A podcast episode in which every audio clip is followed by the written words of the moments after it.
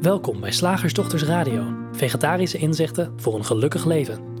Linda Spaanbroek en Angela Mastwijk geven jullie een kijkje achter de toonbank van de menselijke ervaring. Hoe werkt het daar nu echt? We maken gehakt van ingewikkelde concepten en fileren met liefde ook jouw leven. Dat alles onder het motto: geluk mag het een onsje meer zijn. Welkom luisteraars, ik ben Linda. En ik ben Angela. En vandaag willen we het heel graag met je hebben over hooggevoeligheid bij kinderen. er lijken kinderen te zijn die wat moeilijker functioneren op school, binnen het gezin of in andere sociale settings. Hè, eh, visite bij opa en oma of uh, sportclubjes, padvinderij. En soms wordt er geconstateerd dat zo'n kind hooggevoelig is. En dan volgt de vraag, hoe gaan we dan om met die hooggevoeligheid? Nou, heb je misschien al wel eerder gemerkt, als je al wat langer naar ons luistert, dat wij niet zo houden van labelen. En we kijken liever vanuit inzicht in de drie principes wat er te zien is op dit gebied. Uh, wat wellicht het leven voor ouders, kinderen en andere mensen die te maken hebben met hooggevoeligheid makkelijker maakt. Ja, dat het, ja, in de menselijke ervaring hebben we nu eenmaal taal om te communiceren en labels om dingen te benoemen, zodat we elkaar begrijpen. Althans, dat, dat, dat denken we. Want noem zo'n term hooggevoelig. Uh, daar heb jij misschien, Linda, een heel ander beeld bij uh, dan ik. En al onze luisteraars ook voor zichzelf persoonlijk een beeld bij wat, wat hooggevoelig zou zijn. Misschien um, is het een label waarmee jij jezelf identificeert? Ik ben hooggevoelig. Misschien is het een label wat je aan je kinderen geeft. Misschien, maar hoe je het interpreteert, dat is voor ieder, voor echt voor ieder mens, een, een persoonlijke realiteit. En, en dat is wel even heel fijn om dat te noemen in het kader van de drie principes van waaruit wij, wij praten. Uh, dat, dat je met uh, de, de, de gedachten, de ideeën, de concepten die je hebt, je realiteit creëert. En dat geldt ook voor zo'n term als hooggevoeligheid. Dus, dus hoe jij dat interpreteert is helemaal van jou. Het is niet een op zichzelf staand iets. Dat bestaat niet in de wereld. Dat vind ik zo cool om te weten, om mee te beginnen. Dat van zichzelf niets bestaat, maar wel in onze beleving.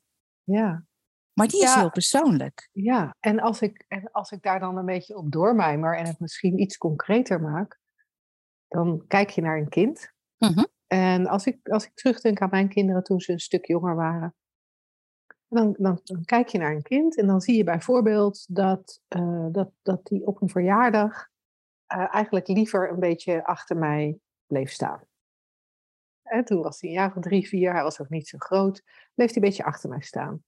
En hij vond al die mensen, dat, dat, dat hoefde voor hem niet. Althans, dat, zo interpreteerde ik het. Nou, maar als je er echt naar keek, stond hij achter mij. En het hele verhaal over verlegenheid in dat geval, uh, dat, dat was mijn interpretatie van de situatie. Ja. En wat hij daarbij voelde, wat hij daarbij dacht, wat het voor hem betekende, was allemaal aan mijn kant. En wat ik destijds eh, het, eh, het, type gedachte wat ik destijds had, was aan de ene kant, nou laat dat jongetje lekker zijn eigen tijd nemen om achter mijn benen vandaan te komen en aan mensen te wennen. En aan de andere kant was er ook denken als, nou ja, ik moet hem wel een beetje een zetje geven in de goede richting, want als die later groot is, moet hij wel met mensen om kunnen gaan. Dus je ziet dan al gelijk dat je als, als ouder heel snel niet alleen kijkt naar de situatie nu, maar ook de toekomst erbij haalt. Ja. Waardoor wat je nu observeert eigenlijk al een beetje vertroebeld is. Want daar zit eigen onrust bij. Zeker, zoals uh, Merel Sprong, hè, die uh, een boek daarover heeft geschreven, wat volgens mij binnenkort ook door Samsara wordt, uh, wordt uitgegeven. Die noemt dat mijn toekomstkinderen. Die bestaan natuurlijk helemaal niet, maar wel in jouw hoofd, in jouw projectie die, die daar gebeurt. Dus dat is, dat is heel fijn om dat allereerst te realiseren. Van eh, de realiteit die je waarneemt is een zelfgecreëerde realiteit. En dat gebeurt van moment tot moment, tot moment, tot moment. Een ander ding wat ik heel even. Het, het is misschien een zijspoortje, Linda. Mm -hmm. Dus uh, als ik te ver ga, haal mij terug. Wat ik even, ik ga even een onderscheid maken wat in wezen niet bestaat, want er bestaat geen onderscheid in wezen. Maar ehm, eh, toen ik naar het onderwerp van deze radioshow keek, dacht ik, ik ga even twee dingen anders benoemen. Omdat ze er voor mij anders uitzien, maar dat is mijn persoonlijke realiteit. Dat snappen jullie ook wel. Maar misschien verheldert het iets. Ik dacht, er is een verschil tussen eh, heel natuurlijk sensitiviteit, die je bijvoorbeeld ook bij, bij, bij paarden ziet. Of bij, uh, bij, bij puppies. En dus ook bij kinderen. Sensitiviteit, gewoon gevoeligheid van het systeem. Je moet bij een baby natuurlijk geen harde knallen bij zijn oor doen. Dat, dat is schrikken.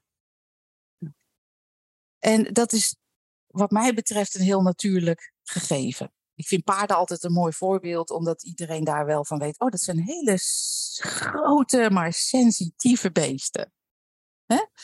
En daar hoef je verder ook geen, geen drama van te maken. Het is een soort, oh ja, gegeven sensitiviteit. En dat kan in ons als volwassenen net zo goed zitten. Van zichzelf geen probleem. Nee. Nee. Maar als we er een term van hooggevoeligheid van maken, dan merk je al, hoog, gevoelig, dan, dan, dan gaan we het een soort, in plaats van een natuurlijk gegeven, gaan we er iets bijzonders van maken. Dan gaan we er iets persoonlijks van maken. Dan gaan we er iets van maken wat uh, bij de een meer is uh, bij de ander, wat uh, problematisch wordt. En waar ik zie als sensitiviteit als een gegeven in het menselijk bestaan en in ook het mm. dierlijk bestaan. Ik zag vanmorgen op, mijn, uh, uh, op een fietstochtje wat ik maakte een konijntje. Nou, zeg maar konijn. Het was eigenlijk een heel groot konijn. Ik twijfelde nog, is dat niet een haas? Nee, het was een konijn. Een heel groot, vet, dik konijn. En ik zag hem al van heel uit de verte toevallig, omdat hij iets bewoog. En ik zag dat hij rechtop ging zitten. Dus of dat nou, of, of ik, uh, ik en mijn fiets werden waargenomen via de oren of via uh, de neus of gewoon via het gevoel, dat weten we niet. Ja, Sensitief. Trilling in de, in de aarde. Trillingen. Ja, dat kan ook nog. Dat weten we niet. Dus konijn ging rechtop zitten, heel sensitief. En vluchtte vervolgens de naastgelegen golfbaan op. Ja, wat, wat, ik, wat ik zo interessant vind aan de sensitiviteit zoals je het nu bespreekt. Ja, hè, als we even teruggaan naar de paarden. Wilde, wilde konijntjes, daar heb ik niet veel ervaring mee. Maar als we teruggaan naar de paarden of bijvoorbeeld honden. Ja. Uh, laat ik honden doen, want die, daar, daar heb ik eh, echt gewoon eh, aan de lijve recente ervaring mee. Uh, Zo'n puppy, die, zoals jij daar straks noemde, die heeft inderdaad een bepaalde gevoeligheid en, en, en een bepaalde sensitiviteit. En als die net bij je is, dan, ja, dan is echt alles is spannend. Alles. Hmm. En alles, eh, weet je, alles gaat hij heel, zo'n puppy heel voorzichtig op af om eens te kijken van, wat is dat? Zou ik op zo'n moment denken, oeh, dit puppy is wel, dit is een hooggevoelig puppy, want ik zie dat hij de tuin instapt en hij schrikt gewoon van een opwaaiend blaadje en hij uh, uh, gaat zo voorzichtig uh, op de stoel af die daar achter in de tuin staat. Ja, hij is hooggevoelig dan zou het zomaar kunnen zijn dat ik hem voorzichtiger ga behandelen. Dat ik omloop als er opwaaiende blaadjes zijn. Want ja, mijn puppy is zo hooggevoelig, daar schrikt hij van. Of dat als ik een stoel zie, dat ik denk, nou, daar kan ik maar beter uit de buurt blijven, want mijn puppy is gevoelig, die schrikt daarvan. Wat je ziet bij puppies, is dat we accepteren, weten, oh, dat is allemaal nieuw. En ja, natuurlijk schrik je hiervan. Je hebt dit nog nooit meegemaakt. Helemaal niet gek. En omdat we dat weten, laten we hem nog een tweede keer, een derde keer, een tiende keer, een vijfentwintigste keer de tuin ingaan. En op een gegeven moment kent hij alle dingen in de tuin. En schrikt hij er niet meer van. En schrikt hij ook op, kijkt hij ook op straat niet meer op of om van, van waaiende blaadjes. Ik weet, mijn hondje Olly, die is nu 7,5. Uh, eh, het eerste jaar, zo, zodra het herfst was, rende hij als een dolle rond achter alle blaadjes aan. Hij was er dan niet bang voor, hij vond het leuk om mee te spelen. Maar nu, zes, zeven jaar later, is het gewoon voor hem geworden. Hij kijkt niet op of om. Dus er zit dus wat ik ermee wil zeggen is dat we kunnen als ouders, of als eigenaar van een hond in dit voorbeeld, kunnen we ook schrikken van de sensitiviteit die een dier of een kind in eerste instantie aan de dag legt, laat zien. En, en daar kunnen wij als ouders of als opvoeders een label op plakken, oeh, hooggevoeligheid, en dan zelf voorzichtig, bang, angstig worden, waardoor we eigenlijk zelf weggaan bij onze eigen innerlijke rust en onze eigen innerlijke stabiliteit en het kind het voorbeeld geven van oeh, ja, nee, daar moeten we ook voor oppassen. Dit is ook gek. De, de, de, de, uh, die lichte onrust of angst of onzekerheid die je ervaart, die is niet goed. We moeten iets doen zodat die niet optreedt. Nou, en, en je kan je voorstellen als je teruggaat naar dat puppy, als je dat zou doen, dan zou je het puppy binnen houden. Dan zou je hem niet meer de tuin in laten gaan. En voor je het weet heb je een puppy die echt onhandelbaar is, omdat hij overal van schrikt. En, en ik kan me voorstellen dat er nu ouders zijn die luisteren en die zeggen, nou, dit vind ik echt gemakkelijk. Dit vind ik te gemakkelijk, want het is niet zo dat ik mijn kind voorzichtig heb behandeld. Mijn kind is gewoon gevoelig. En dan ben ik toch benieuwd, als je nog een keer durft te kijken, of je echt met de hand op je hart kan zeggen dat, dat daar geen enkele invloed bij jou vandaan komt. Dat jij totaal 100% oké bent met de schrik of de angst of de ja, onzekerheid. onzekerheid. Ja, want ik denk, het, het is het verschil of we het hè, gaan eh, persoonlijk maken, eh, psychologiseren en problematiseren. Mooi gezegd. Dat is eigenlijk het, het, het verschil. Want een ja, gevoeligheid zit, zit in de mens, in, in kinderen, in, in hondjes en in paarden. Ja, en, en, en, voor mij ziet het dan uit dat we een, onszelf, uh, maar zeker ook kinderen, geen dienst bewijzen als we bij elk, elke sensatie die er is, elk schuren en wringen dat er is, of elke onzekerheid die er is, uh, of elk ongemak dat er is. Hè. Soms kun je natuurlijk ook ongemak hebben, bijvoorbeeld van geluid, dat je denkt, oeh, vind ik een echt een vervelend geluid. Ja. Als, als we daarvan schrikken en als we vinden dat, dat dat ongemak er niet zou mogen zijn. En, en het ongemak even als algemeen woord voor schrik, onzekerheid, uh, iets vervelend vinden. Als dat ongemak er niet mag zijn. Uh, ik, uh, ik, weet even, ik ben even de. de... Ja, dan, dan, dan geven we ook de boodschap dat, dat, dat je alle ongemak moet vermijden in het leven. En nou ja, dat is een beetje jammer, dat gaat gewoon niet. Dat is onderdeel van de menselijke ervaring. Als je daar oké mee kan zijn. En het wil niet zeggen, want ik hoor de bezwaren al uh, door de lijn tetteren. Van uh, ja, moet ik dan maar gewoon hè, zeggen dat het kind zich niet moet aanstellen. Of maar gewoon dwars over de gevoeligheid heen uh, het in, in, in een klas van 40 kinderen zetten. Of naast een kanon of ontploffend vuurwerk. Nee, nee, dat zeggen we allemaal niet. Maar Linda, waar jij net naar verwees, van als je voor jezelf helder hebt, ah ja, ja, de menselijke ervaring, leven, wat natuurlijk in essentie niet waar is, maar wel zo lijkt in afgescheidenheid, in, in jij en ik en geluid en ik en weet ik veel. Als je weet als ouder hoe dat werkt, en dat dat geen probleem is, dan wordt je respons erop gewoon anders. Ja. En heel natuurlijk en intuïtief zou ik, zou ik bijna willen zeggen. Ja. En niet vanuit het uh, persoonlijk maken, oh, dit is een hoogsensitief kind. Niet vanuit het psychologiseren van, oh, dus hij, heeft, hij is waarschijnlijk, ja, hij, oh ja, dat, dat, hoort ook bij hoogbegaafdheid, hè, hoogsensitiviteit, dat is tegenwoordig een, of, of een, ander, een ander label, dan ga je psychologiseren. Of problematiseren, nou, als dit zo doorgaat, of dit mag niet, of dan ga je zo'n onhandige weg in. Als je in het moment ziet hoe het werkt, oh, dan ontstaat er wel weer een beweging vanuit het niks. Ja, ja en wat ik ook ehm, wat ik nog wilde toevoegen, is dat we vergeten als we alleen kijken naar het gedrag van het kind, en schrikken van, ja, van het feit dat daar ongemak is, dan vergeten we ten eerste, zoals jij net al zei, dat ongemak bij het leven hoort. Maar we vergeten ook dat dat ongemak zich altijd afspeelt tegen de achtergrond van pure, niet te vernietigen levensenergie.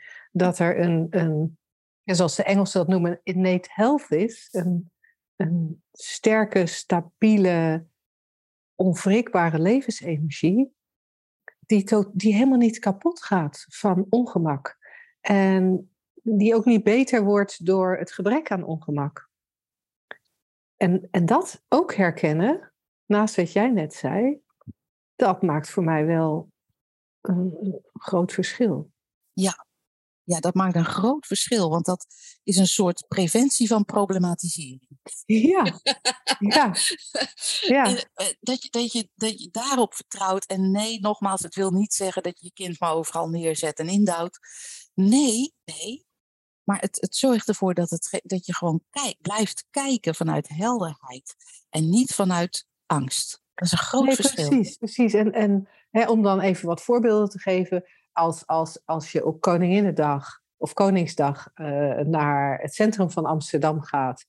En je komt daar terecht, wat mij wel eens gebeurd is, in een mensenmenigte waar je jezelf niet meer kan bewegen. Waar je alleen nog maar ja, echt bijna plat geduwd wordt en mee moet met de stroom, dat je dat een ongemakkelijke situatie vindt en daar uitstapt, ja. Uh, waarom niet?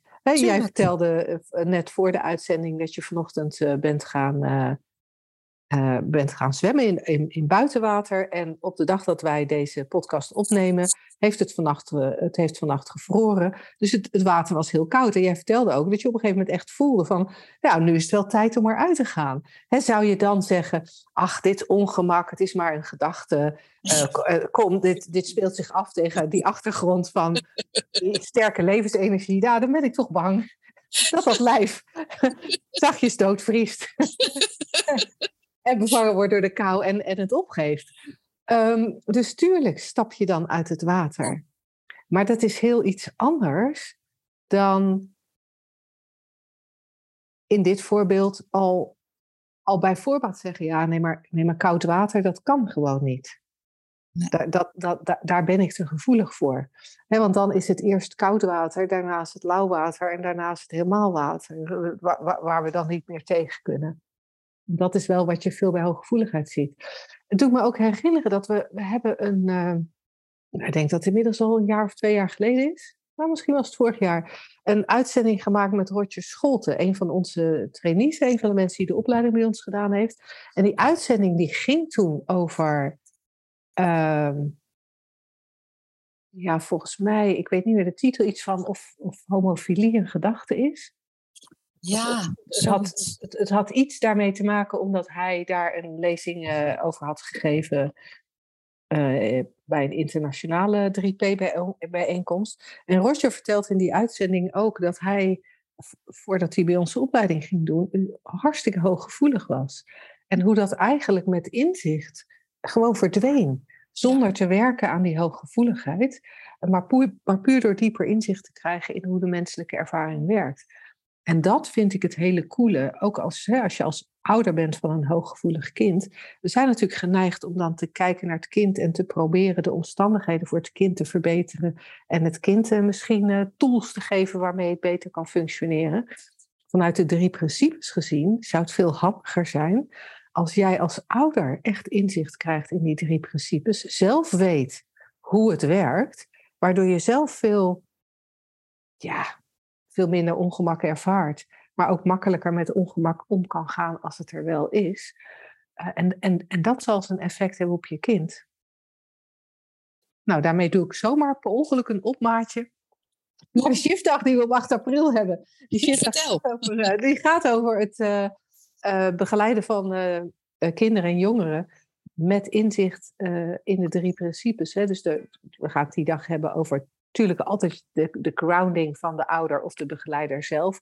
Maar ook over ja, hoe, hoe praat je daar nou over met kinderen? Hoe kan je, als je zelf ook al wat uh, positieve effecten hebt uh, ervaren van inzicht in de drie principes, hoe, hoe kan je daar kinderen ook, uh, of jouw kind ook mee helpen? Dus die is op 8 april. Je kan je inschrijven op shiftacademy.nl. Onder ons aanbod vind je alle shiftdagen, dus ook deze. En zijn we dan nog wat vergeten over hoge gevoeligheid, Angela? Nou, niet dat ik weet. Dan uh, gaan we over naar de vraag. Zeg, slagersdochters, hoe bak ik die vega-burger? Over naar de luisteraarsvraag. Oh, de vraag uh, van vandaag. Ik wil hem opzoeken, maar ik weet hem eigenlijk uit mijn hoofd. Uh, die kregen we namelijk net vanochtend toegestuurd van uh, Linda. En ik dacht, die past zo leuk bij dit onderwerp. Uh, zij schreef, het is een hele grappige vraag, zij schreef, als jullie als kind opgevoed waren met inzicht in de drie principes, hoe anders zou jullie leven dan gegaan zijn? nou, dan moeten we even een alternatieve uh, verleden gaan, uh, gaan creëren. En dan invullen wat oorzaak en gevolg zou zijn. Geen idee. en dat kan, ik, ik, ik vond het een hele leuke vraag, want hij is zo ik vind hem zo logisch. Het is, het is, het is een type mijmering dat we natuurlijk wel vaker doen of horen. je hoeft maar naar, naar de nabeschouwing van een voetbalwedstrijd of de Formule 1 te kijken. En je hoort het al. Ja, maar wat zou er nou gebeuren als Max daar zus of zo had gedaan? Wat zou er gebeurd zijn als die voetballer uh, wel uh, had uh, ingeschoten of wel die paas had gemaakt? Of dus, dus ja, dat doen we ongetwijfeld over ons eigen leven ook wel eens. Wat zou er nou gebeurd zijn? Ik denk dat ook wel eens. Wat, wat, als ik nou, wat zou er nou. Nou, tegenwoordig denk ik het eigenlijk niet meer. Maar ik dacht het vroeger wel eens. Van hoe zou mijn leven gelopen zijn als ik niet dat auto-ongeluk had gekregen op mijn 23ste? Maar je weet het niet. Je weet het niet, hè? We kunnen alleen maar in algemene termen uh, uh, beschrijven wat, wat mogelijke bijwerkingen kunnen zijn van het inzicht dat je hele ervaring bestaat uit denken in het bewustzijn van een oneindige, van een oneindige mind. En dus alleen in algemene termen, want we weten het, we weten het gewoon niet. En, en voor mij zijn die, zijn die bijwerkingen veel minder verkramping, uh, veel minder angst, veel meer vrijheid, uh, ontspanning. Um, maar ja, had ik dat graag eerder willen hebben? Ja, daar kan ik wel ja op zeggen, maar dit is helemaal niet gebeurd. Dus dat geen idee. Nee, en, als, kijk, ik heb natuurlijk gemerkt dat um, die 25 jaar chronische pijn die ik heb gehad, die is verdwenen door inzicht. Hè, wat ik, wat ik, door wat ik gezien heb, als ik als er, als er nu impact op mijn lijf is door iets van buiten, heeft dat tegenwoordig een heel ander effect dan, uh, dan dat het uh, zes, zeven jaar geleden was. Toevallig stootte ik uh, zaterdagavond weer waanzinnig hard mijn hoofd. en, en, en het interessante is dat de, de, de, de, eerste, de eerste sensaties waren precies hetzelfde als ze altijd waren. Uh, alleen, alleen nu door het inzicht wat ik heb gekregen, uh, ja, gebeurt er iets anders in het systeem, waardoor vijf minuten later het eigenlijk al is het gewoon weg. En in het verleden bleef dat veel, vele malen langer. Dus ja, ik kan dan ook wel mijmeren van, goh, als ik dat inzicht, uh, wat ik uiteindelijk een paar jaar geleden kreeg, als ik dat gehad had op mijn 23ste, ja, dan, dan zou ik kunnen fantaseren dat ik dan vermoedelijk niet in de, in de, in de WHO terechtgekomen was. Maar of het waar is, weten we niet. En dat is ook natuurlijk met, met ja, verder onze hele, onze hele opgroeien en onze hele, onze hele jeugd. Ehm, je kan inderdaad alleen maar constateren wat, wat jij constateert. Wat we nu kunnen zien aan bijwerkingen. En uh, ja, ik, ik zelf, als ik er naar kijk, ik, heb ik wel het gevoel dat als kinderen daar nu al wat van meekrijgen, dat zien we natuurlijk ook aan de kinderen, uh, aan de jonge kinderen waar, uh, uh, waar we gesprekken mee voeren, dat daar, daar verandert wel iets. Daar, daar, daar wordt iets makkelijker voor die kinderen. Er valt iets weg, zou je kunnen zeggen. En, en Want wat je opnieuw in zijn algemeenheid ziet in opvoeding en begeleiding, is dat er heel veel angst aan wordt gejaagd. Ja. Uh, uh, maakt niet uit, is onschuldig hè? hoe dat gebeurt en wie dat doet, dat maakt niet uit. Um, er wordt heel veel angst aangejaagd. Angst, eh, verkramping wordt heel veel persoonlijk gemaakt en geproblematiseerd en gepsychologiseerd. En um, als we dat kunnen laten als bijverschijnsel van inzicht, hè? niet van, oh dat mag je niet doen, dat, dat, is een onmogelijke opdracht voor iemand die zich persoonlijk verantwoordelijk voelt en zich een poppetje in de wereld voelt en dus angstig opereert, is het een onmogelijke opdracht om te zeggen: nee, maar je moet je kinderen loslaten. Nee, maar je moet er geen probleem van maken. Dat kan gewoon niet. Maar met inzicht in, in hoe het werkt en wie je, wie je bent, hè, dus dat, dat in elk moment je ervaring bestaat uit een gedachte in het bewustzijn van mind. Alles wordt ervaren via dat denken als je dat realiseert, ja, dan is het gewoon niet logisch om jezelf, als dat al kan, en je kinderen nog angst aan te jagen. Dus als dat dan gelaten wordt, omdat het niet meer logisch is, ja, dan blijft zo'n kind eigenlijk wat hij van zichzelf al is. Sensitief, ja. ja. En zeker in, in, in het besef, en dat is woordloos dan, hè, in het besef dat het altijd oké is. En want het, met die woorden word je niet geboren, maar wel, wel met dat uitgangspunt. Um, en en, en uh, herkennend dat als dat niet zo lijkt, als het verkrampt dus is, dat dat een gedachtenspel is. En dus geen probleem. Ja, dat is natuurlijk super cool om uh, om, um, om op te groeien zonder al die, al die uh, overbodige toevoeging, zonder dat gepsychologiseerd en geproblematiseerd. Ja. ja. Dat is super cool. Lijkt mij. Ja. ja, ja. Het zou zomaar kunnen dat je daar een stuk minder hooggevoelig van wordt. Ja, een stuk, een stuk uh, vrijer bent en, en um, wat ik dan een mooi woord vind, autonomie hebt. Als in dat je weet dat je altijd dat, dat terug kan gaan naar binnen. Hè, naar, naar, terug naar het niks, zou je kunnen zeggen. Naar, naar wat jij net noemde, je, hoe noemde jij het nou net? Je, je, innate wisdom, je, je aangeboren wijsheid en heelheid en oké zijn. Ja. Ja, dat is gewoon, dat is zo cool. Dat kan, dat kan niet anders dan verschil maken. Als je dat weet. Ik denk dat we het hierbij kunnen laten voor wat ja. betreft de vraag. Woensdag, gehaktdag. Zeg slagersdochters, welk concept gaat er vandaag door de molen?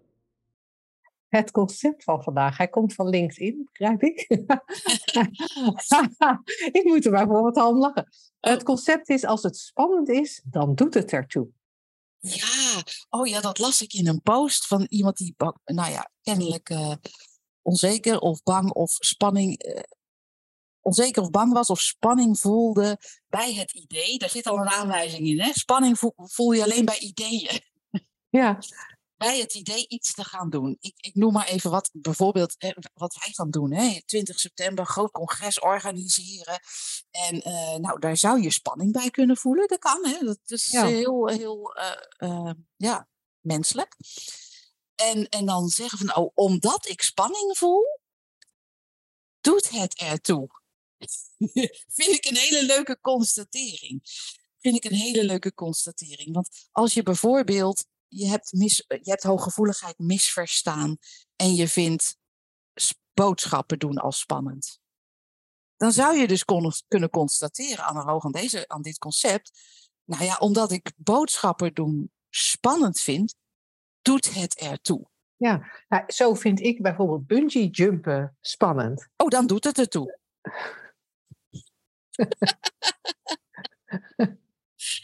zo, zo vind ik, als ik woon vlakbij een spoorwegovergang.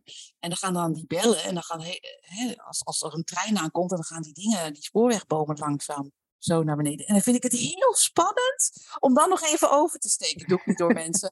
Heel spannend. Dus dat doet ertoe. Het is pure flauwekul dit. Ja. ja. Het is flauwekul en het is zo interessant hoe we, hoe we dat soort flauwekul aan elkaar vertellen. Ja. En, en, er dan, en dan ook nog met elkaar in meegaan. Uh, en, en wat ik dan ook grappig vind, blijkbaar is het ook belangrijk dat je dingen doet die ertoe doen. Ook nog. En wat is dat ertoe doen? Ja. Voor, wie, voor wie is het dan belangrijk? Voor jou? Voor de buitenwereld? Waar is die buitenwereld? Wie, wie, wie spelen daarin? Is jouw buitenwereld hetzelfde als mijn buitenwereld? Ja. Wat moet je allemaal geloven om iets ertoe te laten doen? Kijk, als je kijkt naar ons, we gaan dan een congres over, over uh, uh, nou ja, we, op dit moment weten we de exacte titel nog niet. We hadden wel een titel, maar die Ja, we hebben wel een titel, maar oh, ja. weet jij nog? Nee.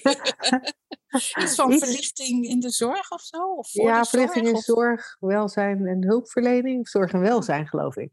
Ja, ja uh, verlichting voor zorg en welzijn. En uh, nou, wij, wij hebben het idee dat dat belangrijk is. Want ja. hoe meer mensen weten over de drie principes uh, hoe, hoe, makkelijker het leven voor hen kan worden. En de zorg en het welzijn, het systeem loopt spaak. Maar ook um, de, de, zeg maar de patiënten of de cliënten in die systemen uh, komen vaak meer in de problemen in plaats van minder in de problemen. Dus wij denken dat het voor zowel de zorg- en hulpverleners als voor de patiënten en cliënten waanzinnig behulpzaam kan zijn om inzicht te krijgen in de drie principes. Dus vinden wij het heel ja. belangrijk om het daarover te hebben. Ja, maar ja, dat is ons dingetje. Ja. ik bedoel, dat, dat, dat, dat, in onze wereld is dat belangrijk. Ik kan me voorstellen dat er. Een, nou, ik kan me niet eens alleen voorstellen. Ik weet het zeker dat er heel veel mensen zijn die zullen zeggen: Nou, er zijn wel belangrijkere dingen om het over te hebben. Kom op, zeg. Ja, oorlog. Ik zeg maar. Ja. Wat.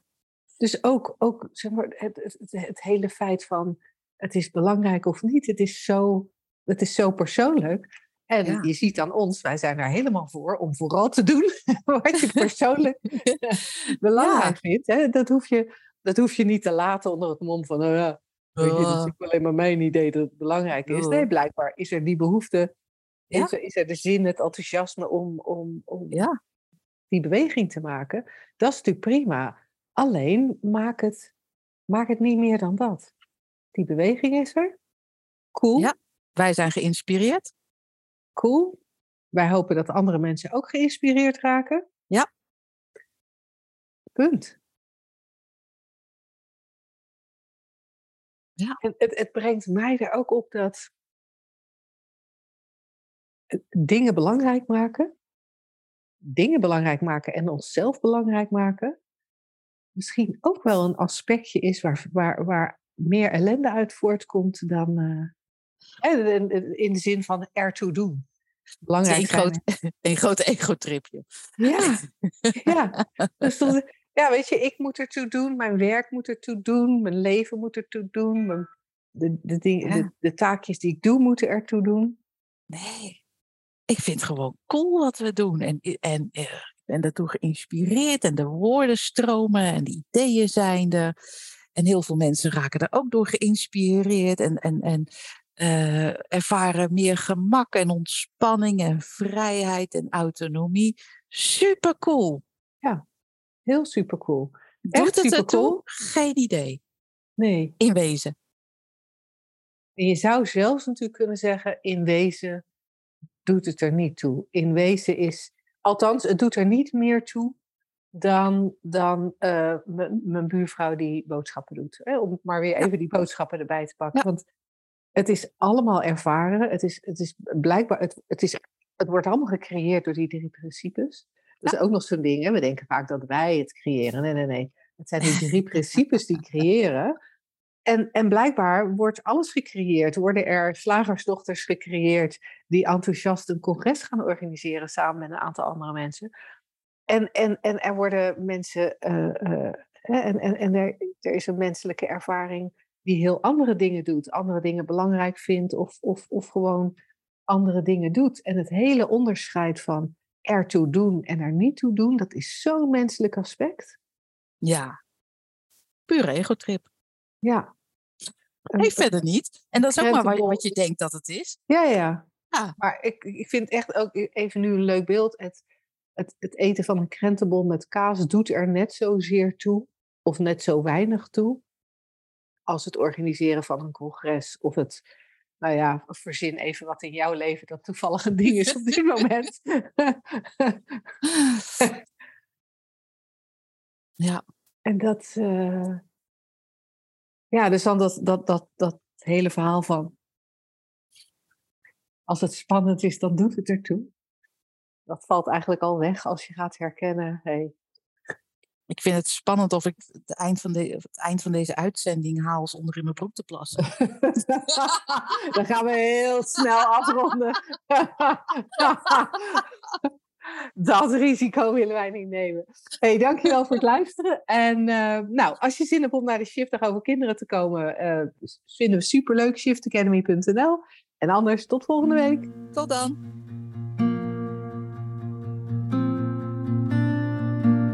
Weet je wat ook lekker is?